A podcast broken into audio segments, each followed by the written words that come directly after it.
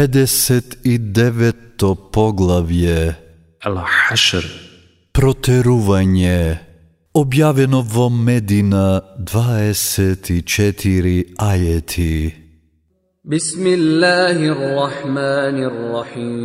Во името на Аллах, се милосниот, милостивиот.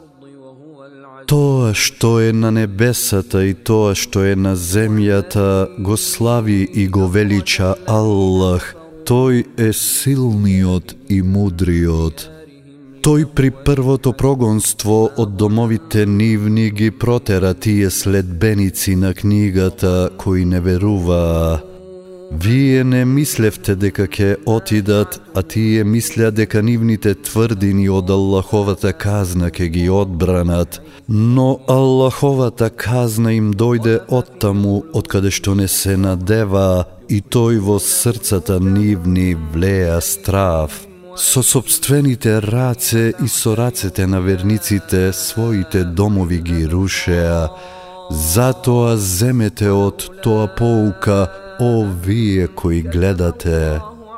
А Аллах да не пропишеше веќе прогонство за нив, тој ќе ги казнеше уште на овој свет, а ним на оној свет им припаѓа казна во огнот затоа што на Аллах и на пратеникот негов им се спротивставува, а тој што на Аллах ќе му се спротивстави, Аллах на вистина жестоко ќе го казни. Тоа што исековте некој палми или ги оставивте исправено да стојат, тоа со Аллахова дозвола го сторивте и за тој да ги понижи непослушните грешници. А вие не ги теравте ниту коњите, ниту камилите впрегнати заради тоа што Аллах од нив како плен го подарил на пратеникот свој, туку Аллах им ја препушта власта на пратениците свои над тие над кои што сака тој. Аллах може се. Пленот од жителите на селата и на градовите кои Аллах му ги дарува на пратеникот свој им припаѓа на Аллах и на пратеникот негов и на неговите ближни и на сирачињата и на сиромашните и на патниците на мерници, за да не преоѓа само од раце во рацете на вашите богаташи. Тоа што пратеникот ке ви го даде, земете го, а тоа што ке ви го забрани, оставете го и плашете се од Аллах, бидејќи Аллах на вистина жестоко казнува. И на сиромашните мухаджири кои од својот роден крај се протерани и од имотот свој лишени, кои сакаат Аллаховата милост и наклоност да ја стекнат, и на Аллах и на пратеникот негов им помагаат, тоа се на вистина вистински верници. И на тие што пред нив Медина ја населија и верувањето го прифатија, Тие ги сакаат оние кои што им се доселуваат и во градите свој никаква тешкотија не чувствуваат и сакаат повеќе за нив отколку за себе, иако и на нив самите им е потребно. А тие што ќе се сочуваат од лакомоста и скржавоста, тие сигурно ќе успеат.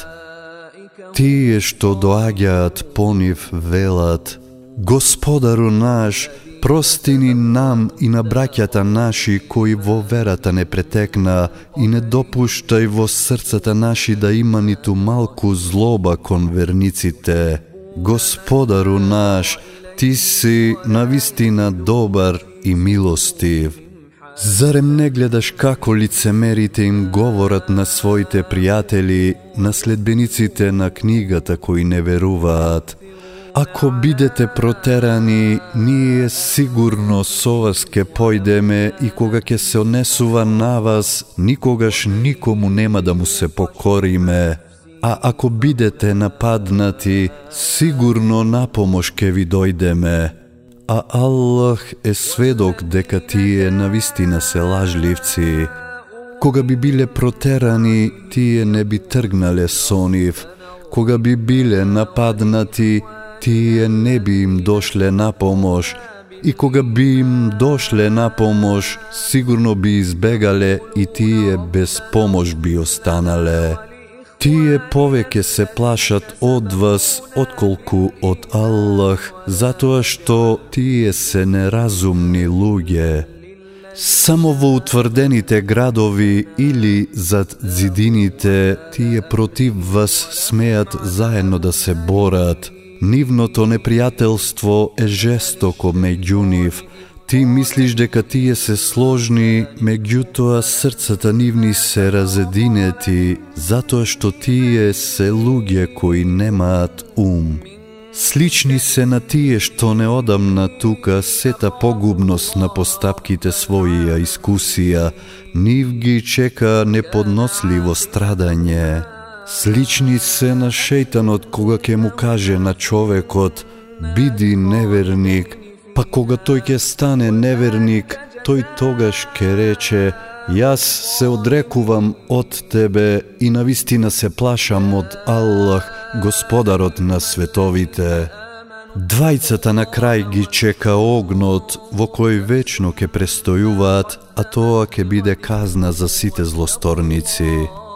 О, верници, плашете се од Аллах и секој човек нека гледа што подготвил за утре и плашете се од Аллах, бидејќи тој добро знае што правите. И не бидете како тие што заборавија на Аллах, па тој направи самите себе си да се заборават. Тоа се вистински непослушни грешници.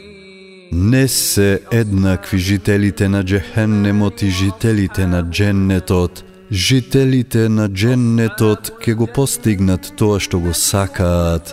Ако го објавиме овој Куран на некој рид, ти би видел како е полн со стравопочит и како би се распаднал од страв пред Аллах. Такви примери им наведуваме на луѓето за да размислат. Тој е Аллах, нема друг Бог освен Него, Тој е познавач на невидливиот и на видливиот свет, Тој е семилосен, милостив. Тој е Аллах, нема друг Бог освен Него, владетелот, светиот, тој што е без недостатоци, тој што го обезбедува секого, тој што бдее над сите, силниот, возвишениот, гордиот. Возвишен и чист е Аллах од тоа што му го припишуваат. Тој е Аллах, Создателот, тој што создава од ништо, тој што му дава облик на се, тој има најубави имиња, Него го слави и го велича се што е на небесата и на земјата, тој е силниот и мудриот. وهو العزيز الحكيم